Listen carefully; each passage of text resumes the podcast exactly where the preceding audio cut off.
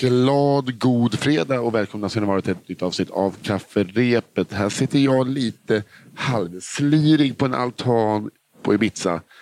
Blek och lite trött. Hur har ni det i studion i Sverige?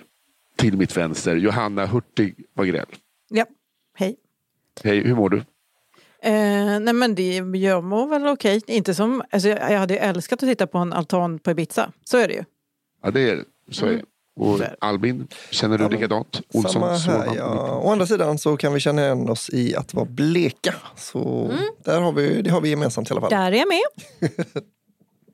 Blek och finnig har jag blivit. Det är så himla taskigt. Varför har jag liksom blivit som en, en tonåring? Johanna har blivit en eh, gamer. Ja, fast liksom också rynkig. Nej gud, det är så tråkigt. Ja, ja. Den här planen om att bli en eh, real housewife, eh, det, det, det går åt helvete. Men du får göra ett Jag ansiktslyft. tappade right about now. Var är du finnig någonstans? Ja du, det är väl lite, lite överallt kan man säga. Det är mycket haka kind. Mycket haka kind. Mycket haka kind. Al Albin, kan du eh, säga att det här stämmer? Jag kan inte bekräfta det härifrån. Jag sitter ändå bara en och en halv meter Jag har ifrån. naturligtvis sminkat. Hon har sminkats. Hon har sminkat bort det vet du. Jag, jag luras. Var det bara jag som märkte att inte jag visste vad bekräfta hette? Där. Vad sa du för något då? Albin, kan du säga att det stämmer? Nej, jag, kommer inte. Bekräfta har försvunnit ur huvudet på Hallberg under tre dagar på Ibiza. Så är det bara. Ah, så kan det vara. Det är rimligt. Ja, Man behöver inte alla ord jämt. nej. Hörrni, vad heter, vi fick eh, precis eh, från din eh, syster, tillika vår redaktör, ett meddelande där det stod be om fler historier. Eh, kanske inte med just den melodin, men ändå med ett utropstecken. Så jag tänkte jag skulle säga det nu, så vi inte glömmer det. Okej. Ni som har historier till kafferepet, ni skickar dem till Albin. Eh, kafferepet at underproduktion.se. Yes. Jag har en liten grej jag vill säga bara. För jag, om, det, om det har låtit som att vi är väldigt trötta på bajshistorier Mm. eh, så berättade min, ja, jag ska inte säga vem det är då, men eh, en, eh, en jag känner berättade Din en... bror. Nej, det var inte det. Men, eh, och, För en gång skulle var det inte det. nej. och det var en bajshistoria som var jätterolig. Så att Ja. om man känner så, men fast jag har en bajshistoria som vi har ju haft jätteroliga också.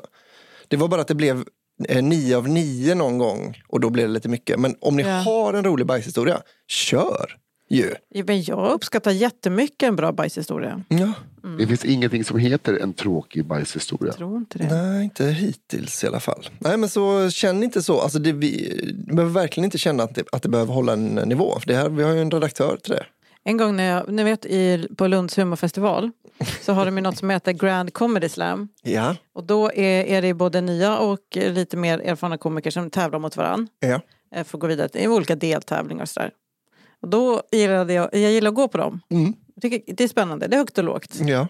Väldigt lågt ibland. Yes. Men då var det en kille, som jag tror, eller en man, som var lite äldre som gick upp och körde två ganska långa Mm. bajshistorier bara. Mm. Och det, så säger jag, det gick inte bra, för han bombade Ja. väldigt mycket och man satt och väntade på när kommer poängen? Just det. Men poängen var nog bajs bara genom Ja, hela. ja. Och jag ska säga att det var inte dåliga historier. Nej. Så om han nu inte lyckats få dem att funka på scen, skicka in dem för de hade funkat som fan i den här podden. Just Han det. lyssnar säkert. Ja, det tror jag. Han är nog ett stort fan av någon av oss. Och bajshistoria såklart. Mm. Ja, men, eh, det var, Jag, eh, jag bara relaterar med den här gubben. För att Mm. Det är, jag har några jag själv. Ja det har du. ja, Det du har ju du. fått några att funka Ja. på scen Ja, dessutom. precis. Du har ju verkligen lyft bajshumorn till, till de stora scenerna. Ja, jag, jag, jag, lite så här, jag har fått in bajshumorn i finrummet. Ja, exakt. lite så, Eh, Du är, vänt, du är i väntrummet i finrummet. Men snart så. Ja, men, exakt, men det, alltså, jag är nära att få in en riktigt god uh, bajshistoria i, eh, ja, vad heter de? Downton Abbey tjänst. Så känner jag. Ja. Att jag är Downton Abbey och jag kan bjuda på lite bajs. Det är du som hade varit den som sket ner sig i Downton Abbey. Ja. Ja exakt, i varje avsnitt. I varje avsnitt hade jag skitit ner mig. Oh no, it's Farty McLean. Um, I'm sorry. Um, I just I have I have an idea. Uh, could we, as a running gag in Downton Abbey, have this guy shitting himself in every episode. Uncommented. She's like in the background. All, alltid, alltid när eftertexten börjar rulla så. Eh, men vad är det här för podd eh, då Nisse? Egentligen när vi inte pratar Jag känner så, så här. Så här känner jag. Eftersom Mm. att jag är lite på länk och det är fördröjning till två. Kan inte någon av er berätta det idag? Vad det är för Jo. podd? Absolut kan Johanna göra det. Nej. Um, det här är en podd där ni som lyssnar skickar in historier eller skrönor eh, eller sanningar, whatever. Så från er hemort, från er uppväxt som er farfar alltid berättade, som er pappa alltid berättade, som kanske mamma mot förmodan hade. Vem vet. Eh, från överallt, när som helst. Och så skickar ni in det hit och sen väljer vår redaktör Fia Lo Almström ut nio stycken. Ja, Och så skickar de tre var till var och en av oss. Och sen läser vi dem, inte avista, Nej, inte. utan prima. Prima vista. prima vista. Ja. Tackar, tackar. Eh, alltså, vi har inte läst dem innan, så vi läser dem för första gången och eh, sen så skrattar vi, eller ibland sågar vi, och, men ofta har vi väldigt roligt. Ja, det brukar bli kul till slut. Jag är så tacksam för alla som har skickat in historier. Det är fan det roligaste som finns att Mm. läsa. Det är faktiskt sant. Och det är helt enkelt för att ni som lyssnar ska få en optimal fredagskänsla och gå in i helgen med, och sen vi väljer ut en Mm, som alla får berätta Ja, som sin ja, egen. just det. Så då när ni går liksom på festen sen så kan ni dra den historien kanske. Ja. Jävla sjuk grej hände mig en gång. när Ja, jag var men jag, 13. jag vet vad min mor... det var någon som spelade Jesus i Jönköping, kommer du ihåg det? Ja, just det. Som typ sket på en tjej. Otroligt, den kan ni dra med själva. Men nu ska vi dra igång den här eh, begravningen som vi brukar säga? Det ska vi absolut. Är det Albins tur Det att kan börja? vara min tur va, att börja det. äntligen. Glade Gunnar. Efter gymnasiet så fanns det inte så många alternativ för en fantasilös 18-åring på östkusten. I varje fall inte för en så lättlurad och oerfaren som jag. Så när anställningen på varvet var ett faktum jublades det. I mitt sinne skulle jag nu få ta del av hemligstämplade dokument och teknologi så avancerat att inte ens den mest överdrivna actionfilm kunde mäta sig. Inställd på ett arbetsliv där jag skulle få träffa diverse Hamilton-liknande individer och lära mig hur en eh, fotonlaser monteras möttes jag av en helt eh, annan verklighet. Mina arbetskamrater var mestadels överviktiga, mustaschprydda och överintresserade av Volvobilar. De militärer jag mötte var definitivt inte några Hamilton-figurer. Jag jobbar helt enkelt på den civila sidan av varvet. Där lokalen hade decennier av smuts ingrott i väggarna. Porrtidningar låg i högar inne på dassen och anslagstavlorna var fulla av facklig litteratur blandat med jantelagen. För övrigt så var det fullt möjligt för befäl att traska in och köra truck hos oss. Säkerheten var sådär. När var det här? 1973? Det är väldigt konstigt va? Men det är otroligt. Eh, På detta varv fanns det många figurer av unik kaliber. Porrpelle, som gärna visade hemmagjorda videor på mobilen. Piss... Och mobilen! ja, Vänta, det är det, det är nyligen. alltså Det kan inte ha varit mer än nyligen tio år sedan. Jag är helt tagen. Jag tänkte ändå att vi skulle tillbaks till liksom så här, vad heter den där filmen Tuppen eller någonting. Som för man ett glasbås ovanför. Nähä? Nej. Pissgubben, gissa vad han luktade och så vidare. Berättelsen handlar dock om en speciell individ som aldrig slutat roa mig. Även om det gått ett antal år sedan vi jobbade ihop. Vi kan kalla honom Gunnar. En del av dessa saker var jag med när det hände och en del har han berättat själv, alltid med ett leende på läpparna. Gunnars liv var ett ständigt pågående äventyr. Till stor del på grund av honom själv. Flakmopeder var det givna arbetsfordonet som vi använde för att ta oss fram inne på området. Vissa av sträckorna nära kajen fanns det betongsuggor framställda för att vi skulle välja en annan väg, vilket vi löste genom att köra förbi på högerkant. Att det var för farligt att köra där så de började köra på två hjul med en lastmoppe istället. Eh, Gunnar var en stor och grov man vars optimism och känsla för mått inte riktigt gick hand i hand. Två gånger misslyckades han med manövern, tappade balansen och körde över kajkanten. Två gånger har han alltså gjort det. Um, en kväll fick vi jobba över för att Gunnar hade lossat på en av ubåtarnas bottenventiler inifrån. När jag kom ner i ubåten stod han med vatten upp till midjan med ett leende på läpparna. Som var Gunnar, en glad olycksfågel. Men alltså vänta, vänta, nummer ett. Vadå klaga på att han var med på den civila delen och sen bara, jag fick gå ner i ubåten som att det är ingenting. Det var väl ändå lite balt att du får vara i en ubåt hur som helst. Men sen också, va, varför tänker ni att han står där nere och har råkat lossa? Han är glad, han har uppenbarligen försökt sabotera skiten. ja. Alltså man tänker också att det finns en ventil som en Gunnar kan skruva loss mm. inifrån en ubåt. Att det låter inte alls säkert. Nej, det låter inte alls bra. Att man skulle komma åt den. Världens gladaste terrorist. Varsågod. Bäst av allt var dock de saker som hände i hans privatliv. Som den gången han lät ett par spekulanter provköra hans Volvo inför en försäljning med ägarbevisen i handskfacken. de bara drog. Nej, vad uh, Eller den gången han gjorde samma sak fast med husvagnen.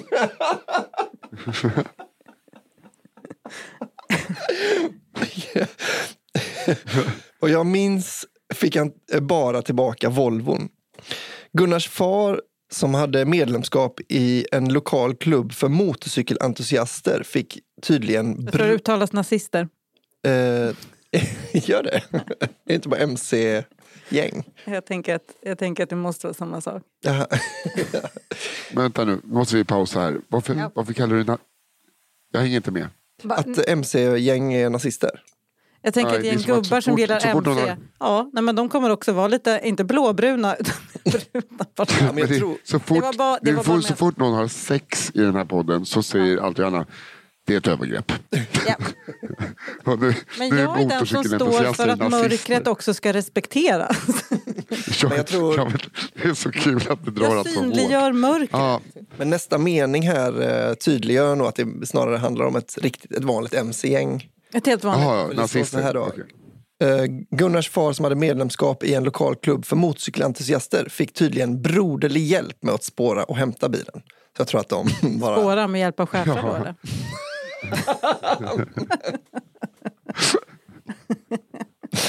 Det är jättekul att du, du, är, du, att, att, du inte ger att de är de nazister. De kan ju vara nazister, absolut. Men det finns inget som. Jag har inga fakta Nej, för men bevisa för mig att de inte är det då.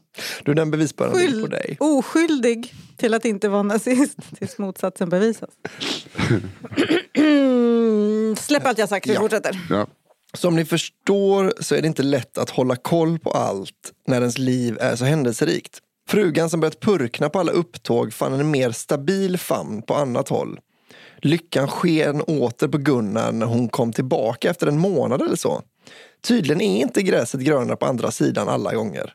Den där famnen var dock inte lika nöjd och ville ha hyra för tiden fru spenderat i lustens säte. Vad sa du nu? Du måste läsa om det. Jag hörde inte. Alltså, alltså hon, hon, hans fru lämna, Gunnars fru lämnade honom för en annan. Ja. Och sen så insåg hon att det var inte alls nice här. Så hon kom tillbaka till Gunnar. Och då skulle han, den andra mannen, ha hyra av henne för att hon hade bott där. Jävla king alltså. det är en månad, en halv hyra för en månad. Det skulle han ha. det var inte ett halvår med uppsägningstid. Han vill ha två sju. Hyran skulle han ta ut genom att helt enkelt få skjuts hem till Gunnar, stövla in i huset för att lyfta med sig tvn och nycklarna till Gunnars bil. Det är hyran då som wow. hon ska betala. Gunnar är en otroligt... Okej, okay, du får dra, men då ska jag ha din tv och din bil. din mans. Du kan gå tillbaka till din man då, men då ska jag ha hans bil och tv. Ge mig din mans bil och tv då. Han har ju precis blivit bedragen. Okej, du får tillbaka henne. ja. Gunnar är en otroligt snäll man som trots sin storlek inte gärna tar till våld. Men när mannen var på väg att köra iväg från gården i Gunnars bil så såg han svart. En tegelsten i framrutan blev lösningen på det problemet. Mannen tog till flykt till fots och Gunnar kunde se sig som vinnare. Även om Gunnar satt en tegelsten i framrutan då på sin egen bil. Ja, men det, är ändå, det där var bra, Ja. får man säga. Vad som hände med Gunnar efter att varvet äh, lades ner vet jag inte. Förhoppningsvis har hans otur vänt. Det får vi verkligen hoppas. Han är god gubbe Gunnar. Mm. Jag gillar jättemycket Gunnar. Att man vet också att han var så glad jämt. Jag hoppas jag får träffa honom. Glade Gunnar. Vad var det med hans pappa? Hans pappa var, mot, han var med i ett mc-gäng. Kanske i... Ja, Men vad, vad handlade det om? Att han, när han blev bestulen på sin bil. För grejen han hade... Han Just det, de fick någon spåra. Då, då spårade de den. Like the kings they were. And Nazis. Okej. Eh, jag jag bör- började ifrågasätta min egen verklighetsuppfattning. Men nu är jag tillbaks. Everyone's a nazi and everything's an assault. Och är det du eller jag Nisse? Eh, ja, gör som ni vill. Det är du Nisse. Jag ger er Janne och hämnden. Det är starkt. Det är som, eh, det är som en bok av Nespo. Kändes det som. Fast bättre får man väl ändå hoppas va? Ja, vi hoppas att det är bättre än en eh, Nespo. Ja. Men här kommer Janne och hämnden. Heter han inte Näsbö? Den här historien jag vill inte säga något, sin- tack. Va? Förlåt, fortsätt. Det var ingenting, vi bara förstörde. Den här historien tar sin början under tiden då jag var en student i en mellanstor svensk stad. Jag var aktiv i att driva traktens kårhus som årlig tradition brukade anordnas en helg då man bjöd in studenter från andra orter. Till detta krävdes såklart musik i form av ett band och turen hade nu kommit till min årskull att ordna med bokningar. Jag vet inte varför, men kulturen var att man skulle boka barnsliga akter och vi tänkte därför att Electric Banana Band hade varit lite spexigt och kul. Här kan jag säga att Electric Banana Band är aldrig spexigt och kul. Kan jag, det, är, det, är min, det är min Det åsikt. här är ju studenter som liksom tycker att det är lite spexigt att ha på sig overall. För då kan man ju leka hur mycket man vill. Mm, det är ironiskt Ja, om man säger så här, Fritte Fritzson skulle kunna boka Electric Banana Band. Så är det ju ja. faktiskt. Har han inte gjort det redan? Om vi frå- om innerst inne i hjärtat, har han inte redan gjort det? Eh, sagt och gjort, skickade iväg en bokningsförfrågan på deras sida, beskrev vårt behov. Vi hade en budget på 25 000 och jag tänkte att jag inte var helt ute och cyklade. Jag hade hört från en bekant att, eh, på Chalmers att de hade bokat mustasch och det kostade 50 000. Men för säkerhets skull tänkte jag utanför boxen och slängde även iväg en bokning till Drängarna och clownerna Algot och Vilgot. Oh, snyggt! Det är jävligt breda penseldrag här känner jag. Men alltså, man kan ju inte tro att 25 000 ger dig någonting som du hört talas om tidigare. Nej, inte... Då får man Klasse Möllbergs brorsa. Typ. Man ska ha dit hela Electric Banana Band för 25 000 spänn. Alltså för, det är För liksom man har ju fått Åberg är ju en av dem. Hur fan Och tänker Klasse Möllberg, för någon hade fått mustasch för dubbla. Jag tycker att den du kommer få är Ted Åström bara. För 25 000. Ja, ja. Det är olyckan. Ted Åström kommer, kommer att skriva autog- autografer i foajén. Ja, Jag spelar inte ett ackord för 25. Och folk är så, vem fan är tanten? Kommer folk bara fråga. eh, jag fortsätter. Det gick eh, lite tid och sen en kväll ringde min te- telefon ganska sent på en lördag. Farbrorn i andra änden presenterade sig som Janne Schaffer. Nej, fy fan vad coolt! Zebran fick han tillägga när jag inte förstod vem jag pratade med. Han var superglad och trevlig och under samtalets första minut flöt allt på superbra. Det var klart att de ville komma och spela för oss och det var bara en liten fråga om att Lasse skulle filma under hösten och det inte fanns till, eh, att han inte var tillgänglig hela tiden. Detta är relevant för Schaffer försökte även sälja på sina andra band till oss. Någon oskön coverhistoria och även han själv som soloartist. Älskar den chefen. Det här, är, alltså, det, här, det här är ju alltså att Janne Schaffer ringer och säger alla andra är sjuka men jag kommer gärna med min minidisk. Men alltså Så när han, ring, ja, när han ringde och bara "Det- var Janne Schaffer så insåg jag att det är ju det man köper för 25 000. Alltså ett samtal från Janne Schaffer som gärna kommer. ja, Det är sant, han kommer ju för 25. ja, han, kom- han kommer för 15 i nä, alltså 1500 i näven tror jag. Det är en god handskakning så har du Schaffer där. Han är en så stor del av Sveriges historia och ändå kommer han för ett och fem i handen. Ja. Finns det fikabord? eh, Ingår på tår. Ja, då kommer jag. I alla fall så kom vi fram till att det helst skulle bli av och att vi skulle minsann få både zebra, tiger och Klasse Möllberg. Vi skulle precis till att säga adjö när jag kom på att fråga om priset. Konversationen gick ungefär som följer. Ursäkta, men vad kostar det hela? 100 000 kronor. Oj! Vadå? Äh, det var lite mer än jag tänkt mig. Jaha, vad hade du tänkt dig då? Alltså jag har bara 25 000. Jaha, ja men då kan vi inte ta med Lasse och dem. Då blir det för dyrt. Men om du vill kan vi köra på ett annat upplägg. Jag har till exempel ett band som kör lite sköna covers på ABBA och Ted Gärdestad.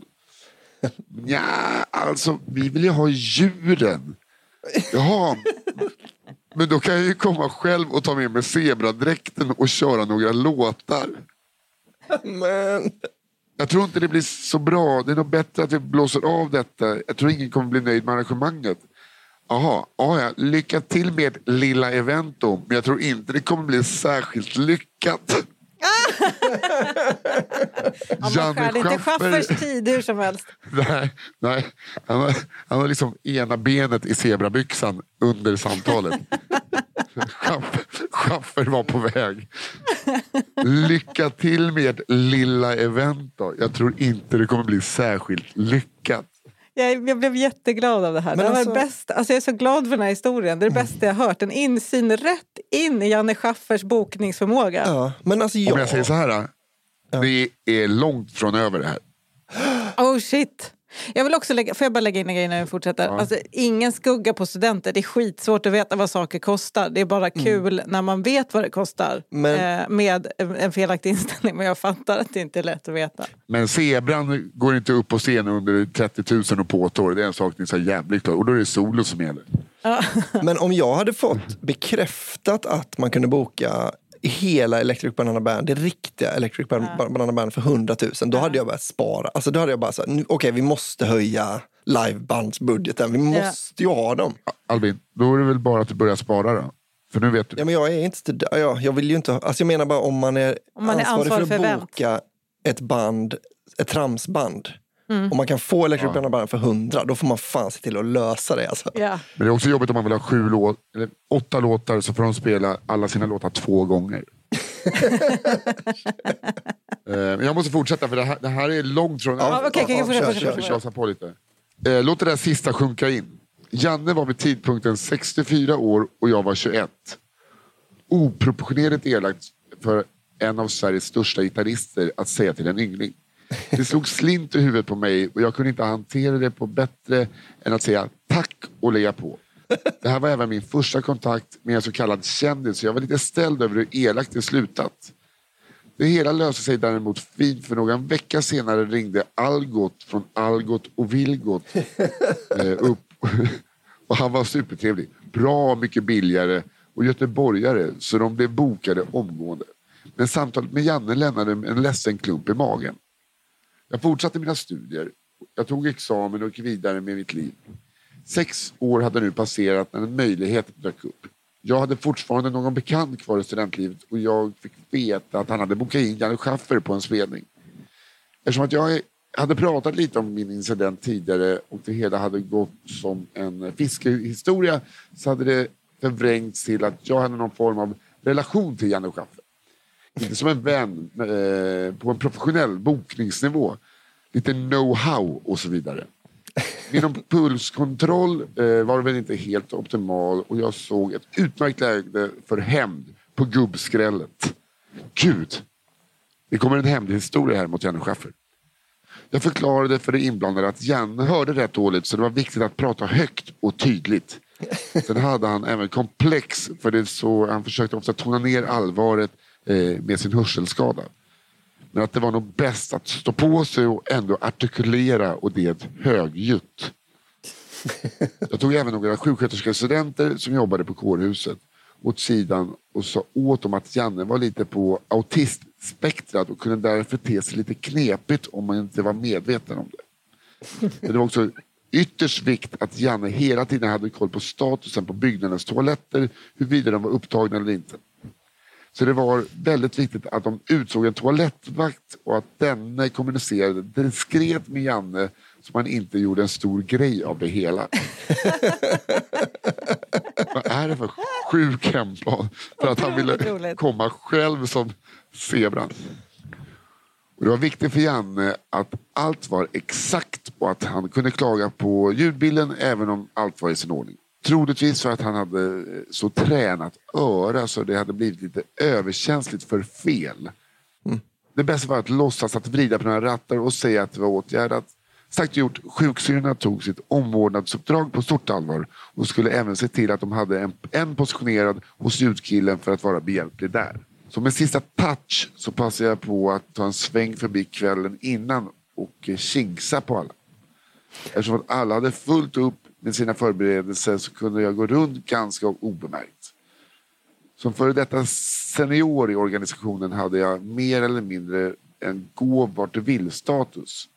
Detta utnyttjade jag till att svänga förbi stora scenen och rigga upp en gammal effektpedal som jag ändå hade tänkt att kassera. Det var en oktavpedal med den lilla finessen att den även kunde ändra tonsteget. Konstigt. Jag ställde upp den eh, tonsten och kopplade in den i signalkedjan. Detta för att Janne alltid skulle ligga lite fel mot vad han spelade. Jag kunde gått och kämpa med det. Eh, Det är snart klart. Det här är den längsta historien vi har fått. Ja. Ja. Ja, det är roligt ju. Det är en så jävla hämnd. Ja, men det är helt otroligt. Det är en sån sjuk hämnd för att han var lite Det vresig. känns som ensamma hemma. Eller ensam hemma. Janne Schaffer edition. Exakta detaljer om spelningen vet jag inte allt för mycket om tyvärr. Men Janne ska tydligen ha fått stämpeln som en sur och knepig jävel bland studenterna eftersom han bröt spelningen halvvägs igenom och begav sig vidare. Och jag kan förstå honom.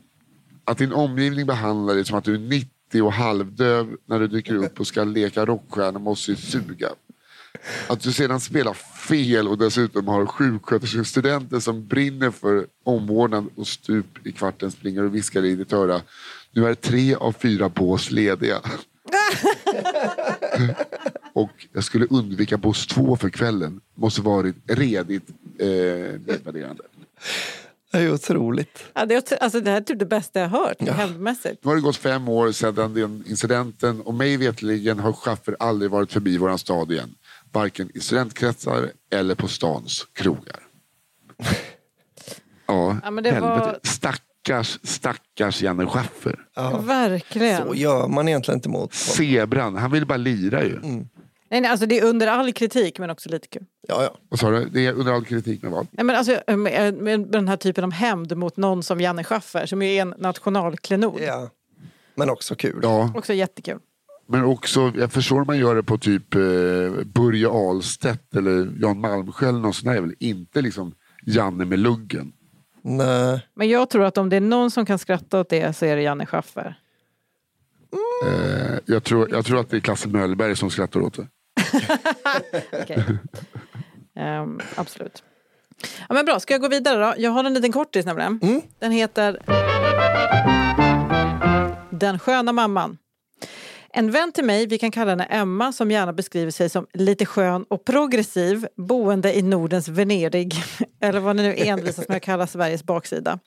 Emma, som har en son som nyligen började fjärde klass, kom efter första veckan hem från skolan och undrade glatt vad olla betyder. Emma, skön och progressiv som hon är, bestämmer sig att hennes son är mogen nog för att bli kastad in i den vuxna världen av märkliga karaktärer från 2000-talets dokusåpor och berättar att det är när en pojke trycker toppen av sin snopp mot något eller någon. Sonen accepterar denna märkliga aktivitet som innebörden av ordet olla. Dagen efter kommer sonen gråtandes hem från skolan. Emma undrar såklart vad som hänt och sonen hulkar till slut fram.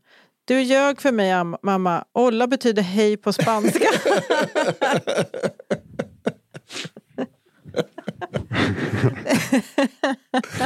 det, visar, det visar sig att sonen som gått sin första spanska lektion fått en läxa att ta reda på vad ordet olla betyder men tyvärr missat att leverera denna ack så viktiga information till mamma. Glad över att ha lärt sig innebörden av olla har han inför hela klassen alltså berättat att olla minsann är när pojkar trycker toppen av snoppen mot någon. Nej, nej, nej. Åh, jag älskade det där. Tack! Stackars Super. Jag tycker att det är så fin beskrivning också att trycka toppen på snoppen. Det låter så himla Ja. snällt. Verkligen. Det är så mycket renare än att olla något. Trycka toppen på snoppen. Åh vad gulligt. Och Och så skulle hon bara vara så skön. Men också så här, var det första spanska lektion, då är man ju typ 13. Nej. Men jag vet inte om det är olika, om man går i så här internationell skola eller hur det nu kan vara. Ja, han kanske är, bo, är, bor i Madrid. Det vet vi inte. Nej. Nej. Men jag tror man börjar typ i trean nu för tiden. Alltså. Ja, det gör man. Tror ni det? Ja. Jo. Man började i fyran. jag Ja. här, Alltså med att olla Jag och med jag spanska vet jag inte.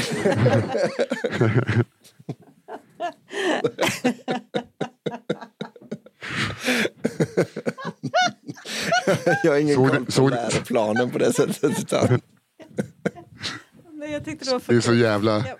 ovärdigt roligt. Det är så himla... Nej, men det, är också, det är också ovärdigt roligt att Johanna tycker att det är lite för kul att Albin Olsson just gjorde en Patrik Larsson. Patrik Larsson gör otroliga skämt. tack. Nu, Jo, eh, Jag menar, han, han, är, han, är, han, är, han är mattryckarkungen. Kolla vänster, kolla jag vänster och så kommer en högerjabb. Exakt. Jag, jag blir alltid lika förvånad eh, också. Jag vet, jag vet inte hur, hur Albin gjorde det där rent tekniskt. det är som ett trolleritrick. Jag sitter med stora ögon här. Men om du fortsätter förklara hur skämtet är upplagt Nisse, så kanske det blir roligare och roligare. Det är möjligt. så det brukar funka. Men nu läser vi nästa. Nu kör vi nästa och här kommer den. Albin, Nödlösningen. Håll i er. Nu ska ni få höra hur en nyförälskad 15-åring kan tycka helt idiotiska idéer är briljanta. Jag åkte med min nya pojkvän till hans pappa i en annan stad. Min pojkvän hade ingen vidare kontakt med sin pappa så hela besöket eh, var upplagt för att vara stelt. Var upplagt då. Mm. Vi kommer fram till lägenheten som ligger i en av Sveriges större städer på en fancy gata. Om man säger så här, pengar var inget problem i det hushållet. Gud vad trevligt. ja, vänta, vänta, vänta, vänta. En av Sveriges större städer på en fancy gata. Jag tror att det är Norrköping. Det Tror du? en fancy gata. Nej, såklart jag inte tror. Nej, bara att, säg bara vilken stad det är. det är väl Stockholm. Jag tyckte att det var kul. Ja, antagligen. Eh, eh, pengar... Förlåt att jag avbröt. Ja, ingen fara. De bodde i en gigantisk lägenhet med hög takhöjd och i taken var det änglar och skit. Efter att ha spenderat första natten väcks vi av hans pappa som säger att de ska iväg men kommer tillbaka om några timmar. Vi börjar göra oss i ordning. Först hoppar min pojkvän in i duschen och när han kommer ut är det min tur. Det är nu det går åt helvete. Jag måste verkligen bajsa och jag är så nervös att det ska låta eller lukta. För 15-åriga brudar bajsar ju inte. Da. Nej. Min lösning blir, jag skiter i duschen. Nej men nej! Nej. Nej! Vem gör det? Okej, och shit, vet ni vad? Det här är en tjej. Ja, det är det. Och jag behöver bara hacka i mig att jag har gett oss orimligt bra rykte. 'Cause This... Ja. Men å andra sidan kommer hon bli en bra entreprenör när hon blir äldre. Alltså. Alltså, hon, det hon kommer ju vara så att hon får trampa ner det i brunnen. Det är det som kommer ske. Ja, vi får se. Berätta. Det är bara tjejer som gör sånt. Ja. Jag har aldrig hört om en kille som har gjort det här. Det här är första gången jag hör det, så det är 100% tjejgrej. Det här tror jag alla tjejer gör lite då och då. Så kommer jag leva mitt liv hädanefter. Man går runt och tror att Johanna kommer stå i, du- Johanna kommer stå i duschen Jag har sen. så mycket jag måste äta upp nu. Varför skickar ni in finnig. här? Kunde han inte disguisat det som en killstory i alla fall? Paja för Johanna Ja, nu. verkligen. Jag har försökt hålla fanen. Okej. Jag skiter i duschen och så får det åka ner i avloppet. Tänkt och gjort. Skiter i avloppet och tänker att det där var smart. Nu till problemet. På vilket sätt är det smartare? Jag fattar inte. Vad är det som, vad är det som funkar bättre med att skita i duschen? Varför tänker hon att varmt vatten som spolar ner bajs skulle vara bättre för lukten? liksom. Ja, och varför skulle, skulle det funka bättre när det inte finns någon spolfunktion? Och varför gör inte bara som alla andra, eh, att man låtsas duscha samtidigt som man eh, kackar? Det, det, är, alltså, det, är, det, Det är standard. Det är standard. det. Ja. Men det, det är ändå respekt. Det är bara för att visa lite respekt. Att skita i någons dusch, det är inte respekt. Vi vet ju inte vad som kommer hända. Det kanske går jättebra detta. Eller nej, vänta här nu. Nu till problemet. Nej, nej, du har redan sagt problemet. Men det kanske Men det blir- kanske Nej, nej, finns ett till. Ja. Det blir stopp i avloppet, men utan att jag märker det. Så utanför duschen flyter nu bajs och vatten. Vattnet har tagit sig Hur ut... kan hon inte märka detta? Han, det är en hon fortfarande. Hon, hon, hon. Jag sa hon. hon. Det var bara du som fick det till hand för att det är så vanligt att jag säger så. Eh, Så utanför duschen flyt, flyter nu bajs och vatten. Vattnet har tagit sig ut från badrummet och ut i hallen. Från hallen ner till grannen under. Det- Detta upptäcker jag genom att min pojkvän kommer och knackar på. Vänta nu. Vänta nu. Vänta. Och- Hon har skitit stopp i duschen. Alltså, Ja. Och sen är det bara en brun, brun flod som forsar från våning till våning. yes. Och hon märker Och inte hon det. märker inget. Nej, hon är så himla, hon är väl bara glad för att hon lyckades lösa det här Och, och, bajsluktproblemet. hon stod så, yes, yes, yes, yes, yes. Yes alltså. yes. High five spegeln. Yes, yes, yes, yes. Och hon känner inte att det luktar skitmycket bajs eller? Nej, men hon har, viftat, hon har tvålat tänderna och viftat dem i rummet så att det ska lukta lite blommor. Och sen, Det är så tjejer gör. Ja, jag vet, men man, man känner ju fortfarande om det luktar bajs. Ja, ja, okej. Ja, förlåt, jag bara har så Ja, mycket nej. roliga bilder i huvudet. Att de, Eh, det- Detta upptäcker jag genom att min pojkvän kommer och knackar på. Han säger att det står en granne i hallen för det rinner vatten från hans tak. Jag fattar inget. Trodde min bajsplan hade gått i lås. Jag stänger av vattnet, kliver ur duschen. Oj, översvämning. Bajs! Öppnar och går ut från badrummet, sätter min fot på den persiska mattan i hallen utanför. Plask, plask, plask. Jag i handduk. Det luktar bajs. Det är vatten överallt och en granne står och tittar på mig under tiden min pojkvän ringer sin pappa och berättar om vad som har hänt. Jag vet inte hur, men jag klarade mig ur detta utan att ta på mig skulden.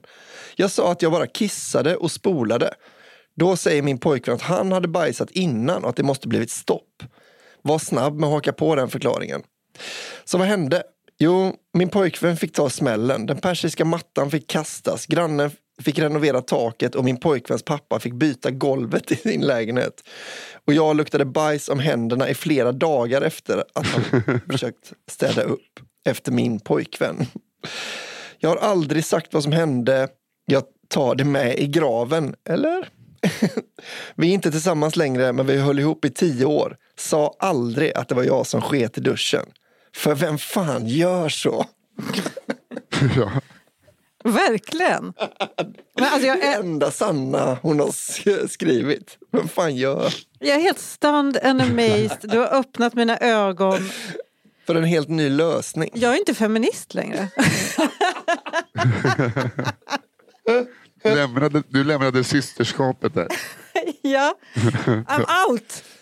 You're on your own. Jag såg just, jag såg just Johanna hoppa på sista vagnen på ett tåg. Du vet, man kan kliva upp på en liten trappa och gå in bakdörren. Jag Försvinna. kommer fråga alla incels om jag får vara med. Alexander Bard, vart är du? Herregud Ja. alltså. Där, där har vi beviset på en otroligt härlig, inte jätteäktig bajsstory. Ja, precis. Otrolig var den faktiskt. Åh, Åh, gud. nej, Då är det du igen. är det jag igen ja? Får jag bara hämta varsin cola till mig Albin? Ja, ni, ni passar på att dricka läsk när inte jag är där. Ja, nu Då finns, finns det det gott om det. Nej, du får aldrig läsk nu sen. Nej, jag skojar bara. Det kom ju till och med med i förra avsnittet att du ville ha Johannas sista läsk. Ja, ja, men, eh, det, jag, jag har inte lyssnat så jag, det finns inte för mig. Det är ett träd i skogen som faller utan att någon är där, känner jag. Då faller det ändå. Är du säker på det? Dum missuppfattning. Faller det då om man inte är där? Ja, det ligger där. Ja. Nej, men det är någonting sådär att det inte faller har jag hört. Så. Då kör vi på. Jag ger TTTT taktkänsla. Det får du ta om. Jag ger er TTTT taktkänsla. Aha, nu fattar jag. Ja, det var inte dålig uppkoppling. Det var bara att det var massa ten. Här kommer den. Jag är en hyfsat trevlig person som oftast vet hur man beter sig bland folk. Även bland lite speciella människor. Om jag ska hälsa på en person med bara tre fingrar till exempel, ja då skakar jag utan tvekan skiten ur den handen. Som att jag inte ens märkte det. Och så vidare. Åh gud. Gud vad jag har gjort exakt det. Det alltså, den starten, om jag ska hälsa på en person med tre fingrar till exempel, då skakar jag skiten ur den här handen. Som att jag inte märker något. Och så vidare. Det är, det är, alltså, det är måttet för en ganska skön person. Eh, Här tänkte jag komma på många fler eh, exempel på hur jävla bra jag är på att bete mig. Men jag kom tyvärr inte på fler. Så vi får nöja oss med handgrejen. Det känns som att jag har skrivit det här. Eh, hur som helst så har jag tyvärr en väldigt större grej jag inte kan lyckas kontrollera. När någon stammar blir jag alltid jätteförvånad. Mm. Utan undantag blir jag helt chockad, tappar fattningen helt och innan jag hunnit tänka en enda liten tanke så har jag till råga på allt hunnit påpeka stamningen som Nej men stammar du? Har slunkit ur mig flertalet gånger fler än vad jag tänker erkänna. Det är så dumt, så dumt, så dumt och jag önskar att jag kunde kontrollera det. Men det är ju svårt när jag inte ens hinner märka att en kommentar eh, är på väg förrän den är sagd. Det är Alltså, det är någon totalt stamtourettes här. Det här är Elinor Svensson. Ja, hon får komma hit. Eller, har hon berättat om den i cigarrummet? Tog vi den då? Nej, jag tror inte det. Elinor Svenssons stora tjej. Men när vi var eh, i Värmland och kocken eh, stammade lite. Vad hände? Ja, just det, just som det. hände. Alltså det första hon gjorde, då kom han ut så här, "Oj, oj, nu, nu, nu ska vi äta. Och då, och då skulle hon bara så skoja till det lite som att han bara Skämtade typ. föll på orden. Så, han, så hon sa nu, nu, nu, nu, nu. och sen så fortsatte han bara stamma och så bara nej, nej, nej, jag har precis gjort narr av. Gud. Jag minns att jag bara tänkte mig bort till liksom en äng i liksom ett låtsasland långt Åh, bort. Det var så himla hemskt. Ja. Det var fruktansvärt. Eh, men eh, sån är hon, vidrig. Säga. Förlåt Nisse, kör. Do continue med han, den andra stamexperten. Yes. Jag hör den komma ur min mun och tänker Nej men snälla någon, vem sa det så? Just det, det var jag. Igen. Jag försöker inte ursäkta det här. Jag är såklart 100% medveten om att eh, det är jag som är rövhålet. Men, ja, det är vad det är. Och jag jobbar på det. Grejen är att den här kvaliteten inom citationstecken hos mig hände oftare när jag var yngre. Och på något sätt trodde jag nog att jag växte ifrån det. Det skulle dock visa sig att det enda som har hänt bara var att jag i vuxen ålder inte längre sätter på lika många stammare. Det, var, det är så kul att man tror att man har växt ifrån det, men det är inte lika många som stammar i vuxen ålder. Ja. Jag har slutat vara rasist, men, du har inte träffat någon. Det är bara invandrare som undviker dig. Du vet, så jag har flyttat till Jukkasjärvi har jag slutat vara rasist. Det är rätt sjukt. Det var ett par år sedan jag insåg detta. När det jag ska berätta om nu hände. Nämligen ett av mitt livs pinsammaste ögonblick. Cirka 66,6666 av er i kafferepet-gänget kommer inte heller bli särskilt chockade av min historia. då ni var där när den ägde rum. Åh nej, det är... ja. Det här är alltså Elinor Svensson. Jag tror att vi kanske har spoilat den då. Fan, får vi klippa bort det? fantastiskt. Jag tycker- nej, nej, jag tycker inte vi ska klippa bort det. Det får vara som det är. Ja, okej. Låt mig måla upp bilden. Vi var ett par komiker som skulle köra stand-up i en liten, liten stad i Sverige.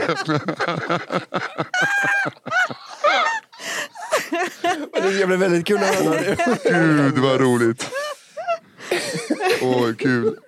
Det var inte många som köpte biljetter för att se oss. Och gigget gick inte så bra det heller. Men inackorderingen var helt otrolig. Vi fick bo i största lyx i världens mysigaste lantliga miljö. Vi hade fina rum och framförallt blev vi bjudna på en så jävla fin middag. Ja, det var verkligen en herrgård med fin mat. Trerätters med särskilt utvalda viner. Och inte ens valda för den billiga prislappen och den behagliga eftersmaken av blodsjukdomar som man annars är så van vid som fattig komiker. Nej, de här vinerna var utvalda för att det passade till maten. Otroligt. Vi var så ödmjuka och tacksamma. Särskilt eftersom att vi under vårt gig hade fått oss en ordentlig reality check på hur mycket vi var värda som komiker och kanske människor. Vi förtjänade inte detta. Men vi fick det ändå. Och det var ju alltid nice. Vi var så vitt jag minns det, de enda gästerna där. Vi satt och åt, drack och hade det gött vid ett bord precis utanför köket. Servitören som tog hand om oss var så himla trevlig och berättade om den goda maten och drycken vi blev serverade. Men mitt i en mening började servitören staka sig lite. Jag tror att vi hade kommit till varmrättens vin och medan han beskrev vinet fastnade han liksom på en bokstav i ordet. Tidigare under middagen hade han inte stammat alls. Men så är det ibland. Personer som stammar gör det inte nödvändigtvis, nödvändigtvis hela tiden. Säger jag stammande. Och så händer det nu lite plötsligt. Mitt i ett ord, mitt i en mening. Inget konstigt med det såklart. Man väntar tålmodigt på att personen ska få avsluta sitt ord och mening. Om man är en trevlig och normal person. Men jag, jag, jag är inte, uppenbarligen inte det. Jag minns inte vilket ord han fastnade på, men jag minns smärtsamt tydligt att det var på bokstaven T. Han fastnade nämligen liksom genom att upprepa bokstaven T flera gånger och ganska rytmiskt med regelbundna mellanrum. Tills han kunde gå vidare. Men direkt när den rytmiska upprepningen inleddes så började jag digga med. Jag, jag hänger med lite i rytmen med huvudet. Som att jag hör ett härligt trumriff. Och sedan börjar jag också sjunga med. Servitören säger t t t och jag stämmer in och säger t t t innan jag förstått vad som händer. Att det är en stamning jag sjunger med i och inte bara lite spontant nyskapande allsång så utbrister jag också glatt Oj då, många ten.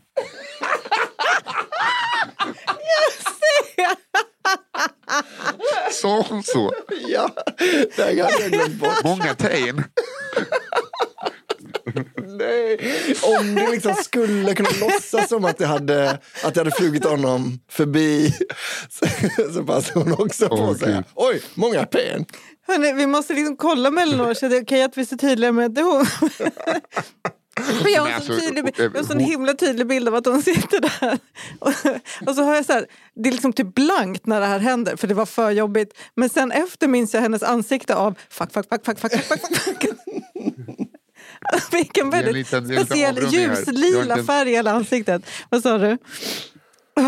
Hon är inte klar. Hon är inte klar. nej, nej, nej. Och i samma stund som jag avslutat det glada utropet inser jag vad som har hänt. Jag faller raka vägen ner i ett svart hål under ångest och skam. För så gör man inte såklart. Under några sekunder lyckas jag intala mig själv att det kanske inte var någon som märkt vad som har hänt. Innan jag knallröd i ansiktet tittade ner i bordet avslutade servitören sitt ord och sin mening och fortsatte berätta om vinet. Hade jag kommit undan? Men när jag tittade upp och mötte mina komikerkollegors blickar stod jag att nej, det hade jag givetvis inte. Vi mådde fruktansvärt. Jag får, jag får än idag panik över hur sinnessjukt otrevligt mitt idiotiska beteende måste verka. Läs VAR. Och det blev inte jättemycket bättre av att en av mina kollegor, inga namn nämnda, tyckte att det var på sin plats att genast sätta igång att reta igen mig för det som har hänt. Det var. Men, Det var såklart på sin plats. Men bara inte precis där och då.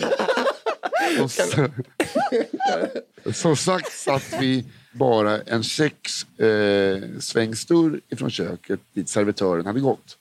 När den anonyma komikern retade mig för vad jag sagt lät det mer som att han istället retade servitören för hans stamning. Ja, det var verkligen ett problem. Jag fick panikslaget säga till Albin, för ja, givetvis var det Albin, att Albin, du får reta mig för detta hur mycket du vill i resten av ditt liv, men du kan vänta tills vi kommer härifrån. ja. Jag tror han förstod min poäng och jag tror han slutade för stunden. Jag vill också tro att middagen och efterrätten var jättegoda. Men jag har tyvärr inget minne av dessa och det är nog inte mer än rättvist. Vad heter det? Det, det? det var det nog. Jag vill också lägga till att jag vet inte säkert om det var relaterat eller inte. Men senare samma kväll så fick jag missfall. det var stress. vänta, vänta, vänta. Vänta, vänta, vänta nu. vänta. Säger att du... Så, så jag vet inte om vi har eh, ett namn på the culprit här. Eh, ja, nej men gud, det där var... Vilken jävla eh, king hon är som eh, skrev in. Ja, Men jättebra. det är verkligen en, eh, Superhistoria märker man nu när hon har skrivit den, ner den. Annars är det ju, för jag, innan det, det här hade jag mer sett det som en sån, oh det är gött, det har man, kan man alltid armbåga eller något lite för det dumma hon gjorde. men, men hon, väldigt roligt skrivet ju. Man märker också i detaljrikedomen hur mycket mer det här har hantat henne än oss. Att vi bara så, "Åh, så sa hon så dumt. Och så, så Oh, my, oh my god!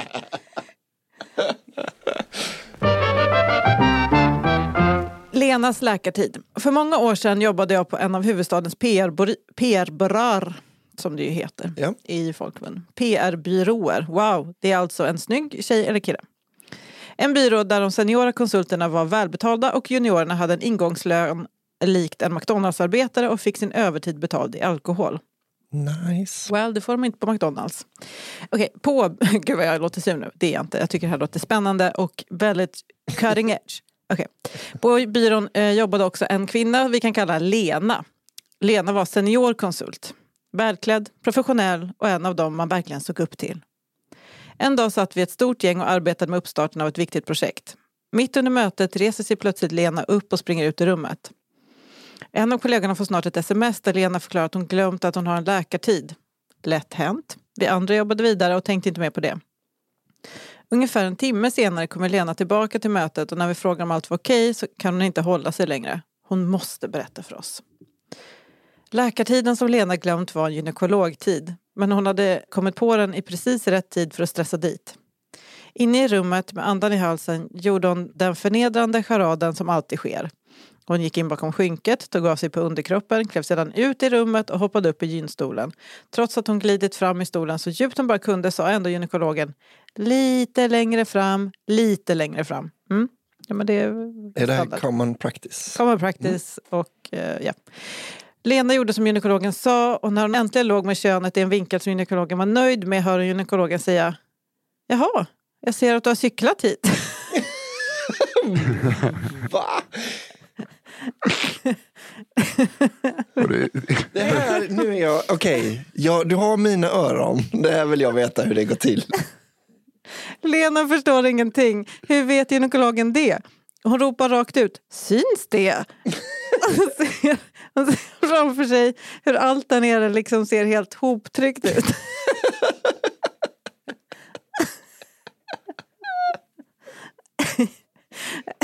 Ja, svarar gynekologen lite tveksamt. Du har hjälm på dig.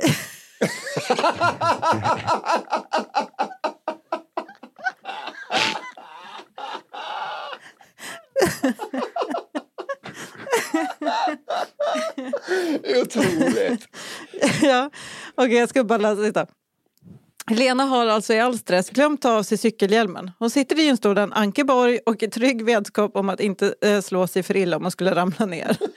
Jag vet inte om gynekologer kan se tryckmärken på könet efter cykling men jag är för evigt tacksam för att Lena bjöd mig och de andra stela konsultgubbarna på denna panghistoria. Även om den vid tillfället fick delat mottagande i rummet. Det är en super punchline ju. ja. Åh gud!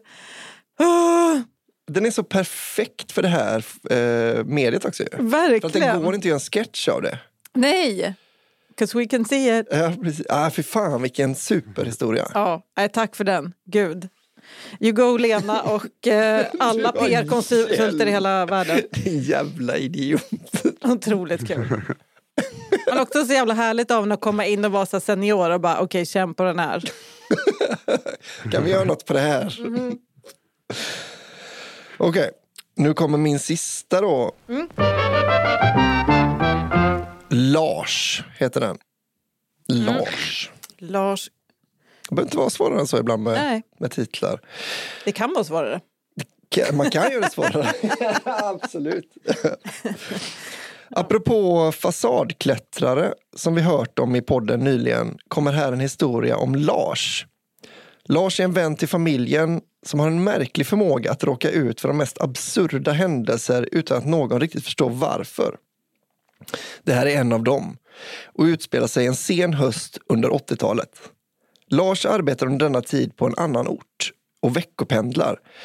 En dag när han kommer hem på fredagskvällen och går igenom veckans posthög som ligger på hallgolvet under brevinkastet ser han något som sticker ut från de vanliga fönsterkuverten. Det är ett tjockt, brunt, omärkt kuvert som ligger nästan högst upp i högen. Det har ingen avsändare eller adressat och verkar vara värderat. Förbryllad öppnar Lars kuvertet och ut faller till hans förvåning tjocka buntar med sedlar till en summa motsvarande cirka 100 000 kronor i dagens penningvärde. Fan vad nice! Lars blir förfärad. Han förstår att kuvertet säkerligen inte är avsett för honom och eftersom det låg nästan högst upp i posthögen och som sagt inte var adresserat måste någon ha varit där och lämnat det helt nyligen. Kanske till och med samma dag. Tänk om de kommer tillbaka för att leta när de inser att kuvertet hamnat fel. Eller bryter sig in nu när han är hemma. Så Lars ringer polisen och berättar precis som det är. De svarar att det var bra att han hörde av sig. Att han bör lämna in kuvertet till dem och att de ska hålla lite koll på om något händer. Lite skakad men ändå nöjd med sin insats går Lars till slut och lägger sig. Mitt i natten vaknar Lars plötsligt. Kanske av att han tycker sig höra något ljud. Kanske för att han är orolig eller kanske bara för att han är väldigt kissnödig. Han går upp ur sängen och går fram för att öppna sovrumsdörren. Den är låst. Han rycker och sliter i handtaget men dörren går inte att rubba. Det är som att någon blockerat den från andra sidan och inget Lars gör tycks hjälpa. Lars ser sig omkring i rummet. Det här är innan mobiltelefonernas tid och hemtelefonen står i ett annat rum. Så han kan inte kontakta för att be om hjälp. Kontakta någon då för att be om hjälp. Igen. Då får han syn på fönstret och träden utanför. Samt sina sänglakan. Aha, tänker Lars. Jag bor ju på första våningen så det borde vara en smal sak att göra som i en amerikansk film och knyta ett rep av lakan så jag kan klättra ner från balkongen. Jag älskar uttrycket smal sak. Verkligen, jag reagerar. Bästa som finns. Eh, Då kan jag ta med mig hemnyckeln, gå runt huset och kissa samt undersöka varför sovrumsdörren inte går att öppna. Mycket nöjd med sig själv river Lars upp lakanen ur sängen, knyter ihop dem till ett rep och fäster det i balkongräcket. Han tycker inte att han behöver några kläder då det är ju så nära runt huset, även om det är nollgradigt ute. Så han tar bara med sig nyckeln när han iförd endast kalsonger börjar fira sig ner för fasaden. Det går ganska snabbt innan han är nere och börjar gå mot framsidan på huset. Han hinner dock inte mer än tre steg innan två mörka gestalter löser sig ur skuggorna, sliter tag i honom och brottar ner honom på marken. Det här är så läskigt. Skräckslagen ropar Lars på hjälp men blir snabbt avbruten av den ena gestalten som med myndig stämma förklarar att de är från polisen då de fått ett inringt tips om en möjlig inbrottstjuv under den närmaste tiden och därför fått order om att hålla Lars lägenhet under uppsikt under natten ifall någon sådan skulle dyka upp. Lars försöker förklara till han som bor i lägenheten och ringde in tipset. Men då han saknar id-handling pekar poliserna på lakansrepet och säger att han får nog följa med till stationen för att förklara. Utan vidare blir Lars handbojad och medsläpad till den väntande polisbilen och körd till polisstationen. Lars har alltså lyckats bli gripen för brottet han själv var rädd att bli utsatt för. Väl på stationen blir han genast intagen på förhör när förhörsledaren märker att Lars nu är extremt kissnödig och dessutom nedkyld och han bara har en filt på sig utöver sina kalsonger. Pressar han lite extra och hotar Lars med att han inte får gå och kissa för han berättat som det är. Desperat av hela situationen och framförallt blåsan som trycker så bryter Lars ihop och ber dem att tro på vad han säger. Och att han verkligen inte är den de tror. Till slut, efter att ha väckt Lars mamma som kan intyga att detta är hennes son och att det är han som bor i lägenheten tillåts Lars gå och kissa innan poliserna ber om ursäkt och kör honom hem igen. Där upptäcker Lars att sovrumsdörren inte alls var blockerad eh, utan hade bara gått i baklås. Han lyckas dock inte sova mer den natten i alla fall. Slutklämmen på historien är att efter ett halvår får Lars en avi i brevlådan som är på hela beloppet i kuvertet minus någon hundring i expeditionsavgift. Då Lars räknas som upphittare och ingen har varit in för att hävda att kuvertet är deras. Lars har då lagt det hela bakom sig men tröttnar än idag inte på att berätta historien för sin Fan vad omgivning. nice! Vilken jävla liksom, story! Jävla, vilken lön för den mördaren då. Verkligen. Att han blir... Han skulle kunna, han skulle kunna boka hela Electric Banana Band. Fan vad fett om det visade sig att det var det han gjorde för pengarna Ja. sen. Han ringde rätt till Janne Schaffer. Och nu är vi här. Ja men toppen. Tack Ja, för det det. var en spektakulär historia. Alltså. Glad, en positiv historia. Ja, verkligen. Okej Nisse. Jag ger er Ninja-Göran. Jag skulle vilja berätta lite smått och gott om en gammal vikarie min klass hade i högstadiet. Vi kan kalla honom för Göran, för anonymitetens skull. Detta utspelar sig i en liten skånsk håla. Det var en helt vanlig slöjdlektion när vi för första gången fick träffa Göran. Vår slöjdlärare hade bjudit in Göran till slöjdlektionen för att prata om Grönland eftersom att Göran hade bott där ett bra tag innan han flyttade till Sverige. Sjukt att ta in någon på en slöjdlektion och prata om Grönland. Verkligen. Men typiskt en slöjdlärare att tycka att det är rimligt. Vi alla tyckte att det var ganska nice att slippa jobba på våra syslöjdsprojekt och istället lyssna på vad Göran hade att berätta om jakt och hantverk på Grönland. Dock blev det spridda reaktioner i klassrummet när Göran bestämde sig för att prata lite mer in depth, eller in deep. Vad vad säger man? In depth? In depth va? In depth. Om just hjortjakten och visade oss videor från sin Youtube-kanal där han sköt, fraktade och flådde hjortar. Många tog lite illa upp av detta eftersom att han inte hade förvarnat oss om videons blodiga innehåll. Däremot såg vi något intressant skymta förbi medan Göran scrollade igenom sin Youtube-kanal. Göran hade gjort en dragshow. Direkt efter lektionen bestämde vi oss för att söka upp Göran på Youtube. Tyvärr kunde vi inte förstå särskilt mycket av Görans dragshow eftersom att det var på grönländsk, danska och i suddig kvalitet. En vän började i alla fall prenumerera på Görans kanal, vilket vi i efterhand är glada att hon gjorde. En grej som inte riktigt hade framgått under slöjdlektionen var att Göran inte bara var gäst på skolan utan nu skulle jobba som fast vikarie hos oss. Det vill säga, behövde man en vikarie så var det Göran som kom och höll i lektionen. Mm. Det vi snart märkte var dock att Göran hade väldigt mycket att prata om som inte handlade om själva lektionerna.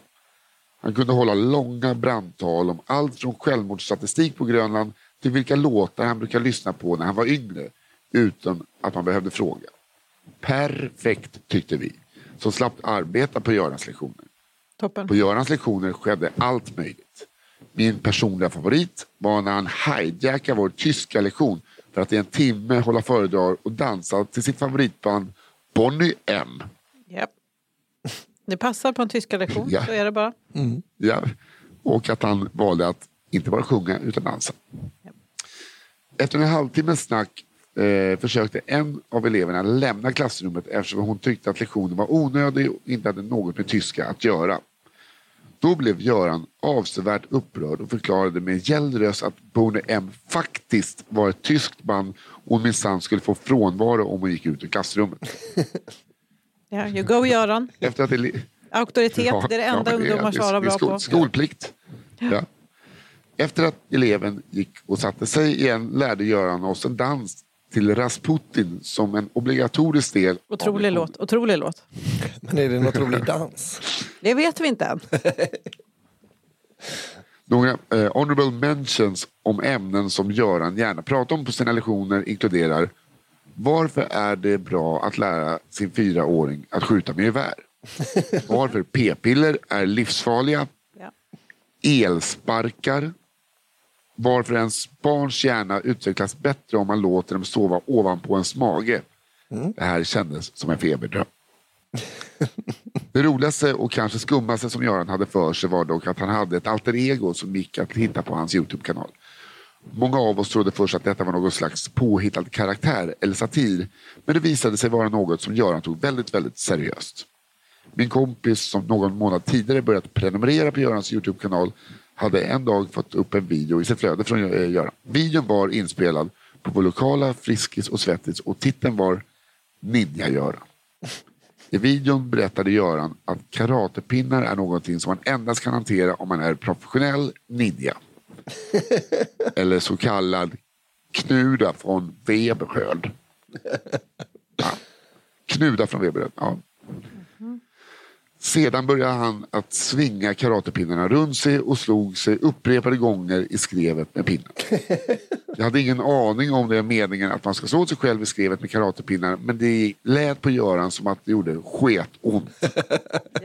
Medan detta pågick eh, blästades en remix av Eye of the Tiger i bakgrunden med en text som Weberröd Rules och En gång knuda, alltid knuda dök upp på skärmen. Är det liksom Elinor som har skickat in en till?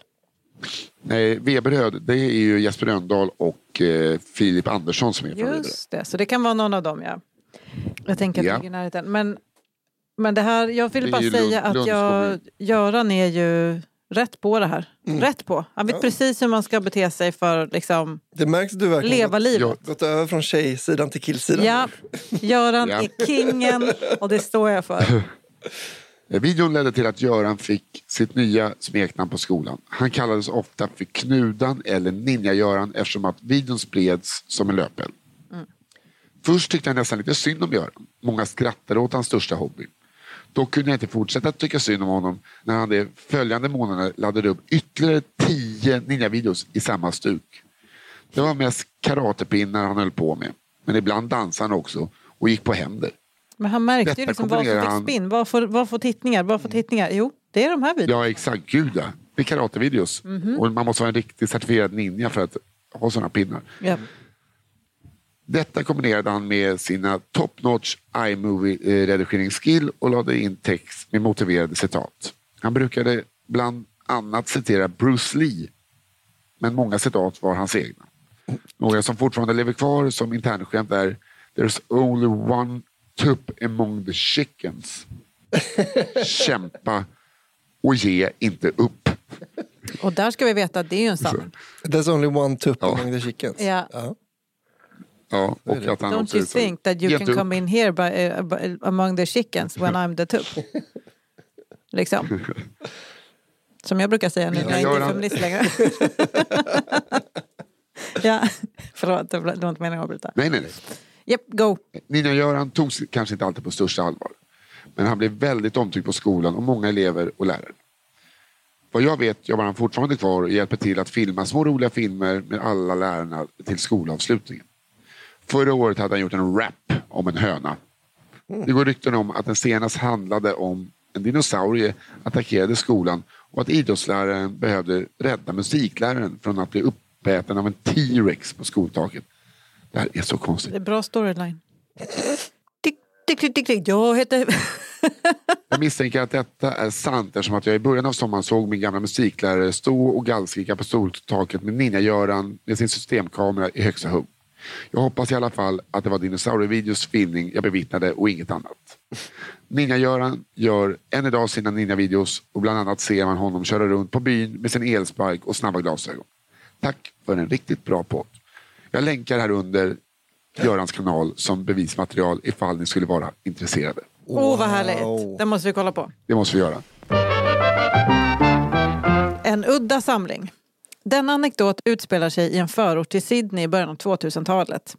Min syster Anna jobbade då som reseledare för en av de välkända svenska företag som arrangerar språkresor för ungdomar. Min syster var vid detta skede en erfaren ledare och hade gjort detta under många års tid. Vanligtvis bodde reseledarna under liknande förhållanden som studenterna, det vill säga som inneboende hos en inhemsk familj. Anna skulle under denna resa bo hos en australiensisk familj som endast haft en inneboende utbytesstudent tidigare och att min syster var reseledare och inte student fick dem att motvilligt tacka ja. Åh nej.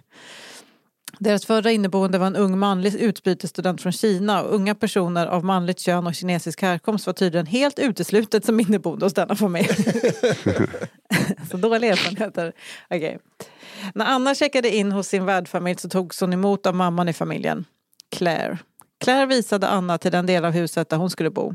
Hon hade ett eget rum med tillhörande eget badrum. Nice. Köket delade hon med sin värdfamilj. Claire blev väldigt detaljerad på ett ganska märkligt sätt när hon skulle visa Anna badrummet. Mycket fokus lades vid att förklara hur toaletten fungerade. Anna undrade i sitt stilla sinne vilken knäppjök hon hade hamnat hos när Claire för fjärde gången gick igenom hur en toalett används. So this is how you open it. Det här, det här är min australienska. so this is how you open it. This is where you sit and this is where you flush. Okej, det blev jättefel.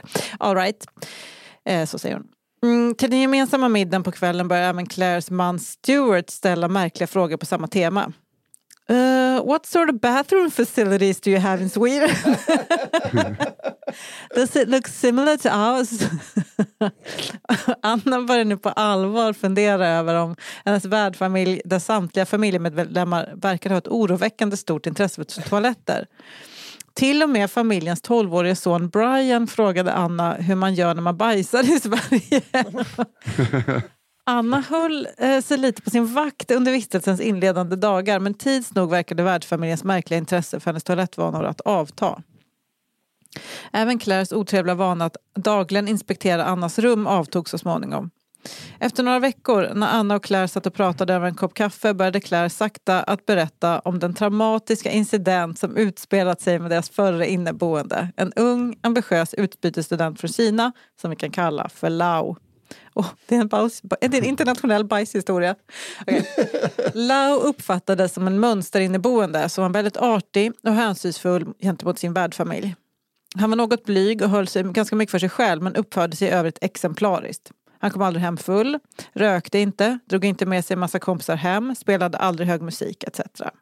Kort och gott en perfekt inneboende. Förutom en liten detalj. Ett par dagar efter att Lau återvänt till Kina skulle Claire städa hans rum och gjorde då en fasansfull upptäckt. Under sängen låg det hundratals små plastpåsar med ett märkligt innehåll. När Claire drog ut påsarna såg hon att de innehöll mänskliga fekalier i olika grader av förmultning. Under sina sex månader hos sin värdfamilj hade alltså Lau inte bajsat på toaletten en enda gång. helt enkelt, utan helt enkelt valt att bajsa i små fruktpåsar. Som han sedan knöt ihop och gömde under sängen. De påsar som innehöll fast avföring hade torkat till hårda korvar men de påsar som innehöll lite lösare avföring hade läckt och till viss del skadat golvet. Claire, Claire. Hur siktar man? Sätt, okay, Claire, och Stuart.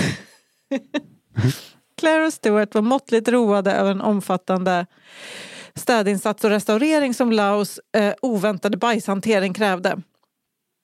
Sedan Anna berättade denna historia för mig så har jag många gånger funderat över Lau och undrat hur det ser ut hemma hos honom. Bor han kanske i ett jättestort hus där han kan avsätta flera rum till sin bajssamling eller flyttar han och byter bostad varje gång bajssamlingen blir för stor? Har Lau fru och barn och samlar de också på bajs i små påsar eller är det bara en av pappas egenheter som övriga familjen har överseende med? Ja, funderingarna är många. Men något jag är ganska säker på är att han aldrig någonsin varit välkommen hem till Claire och Stewart igen. det, det är också kul att de flera gånger eh, bara kontrollfrågar. Hur gör ni i eh, Sverige? Ja. Eh, med eh, We bara, under the bed in little fruit bags.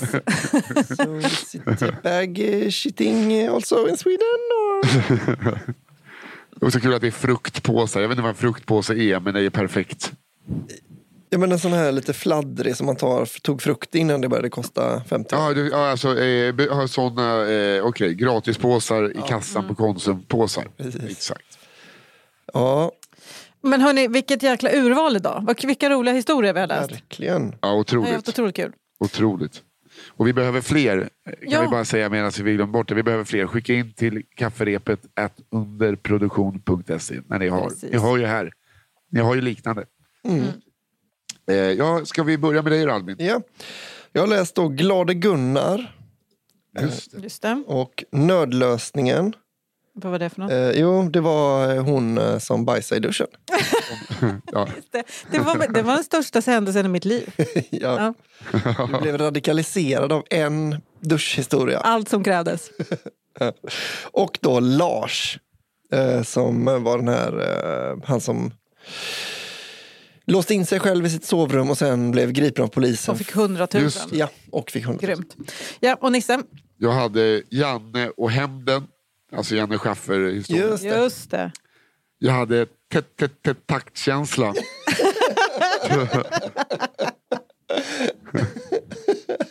och sen hade jag eh, gärningsmannaprofilen av eh, Ninja-Göran.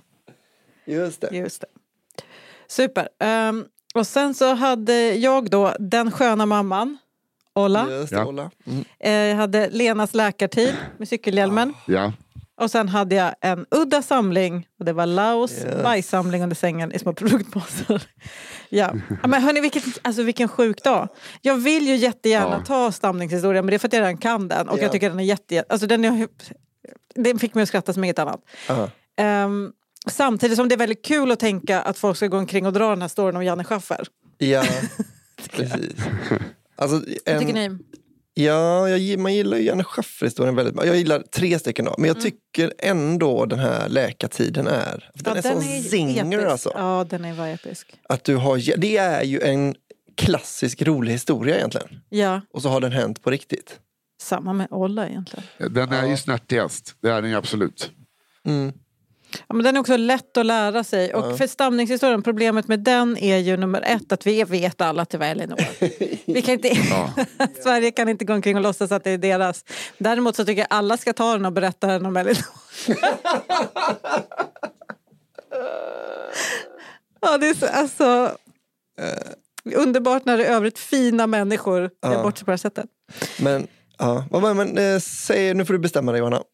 Får jag bestämma mig? Ja, men då tycker jag Ja. nog också Läkartiden. Det är fan sant. Den är så himla catchig. Ja, men då, catchig. då är, den, är, den tycker jag också. Då kör vi på den. Ja, läkartiden är tiss. Ja, den är allmängods. Du har hjälm, det är jävligt roligt alltså. Då eh, får vi säga tack så hemskt mycket till vår redaktör Fia Lo Armström. Tack så mycket Daniel Aldenbark på One Touch Edit. Lika Elinors pojkvän. Och tack, tack Elinor för att du är ärlig. ja, man verkligen. Eh, och tack så mycket alla för att ni skickar in historier. Fortsätt göra det så att vi kan göra de här programmen varje vecka för vi tycker det är superkul. Mm. Trevlig helg! Trevlig helg! Hej då! Hej då. Trevlig helg. Hej då!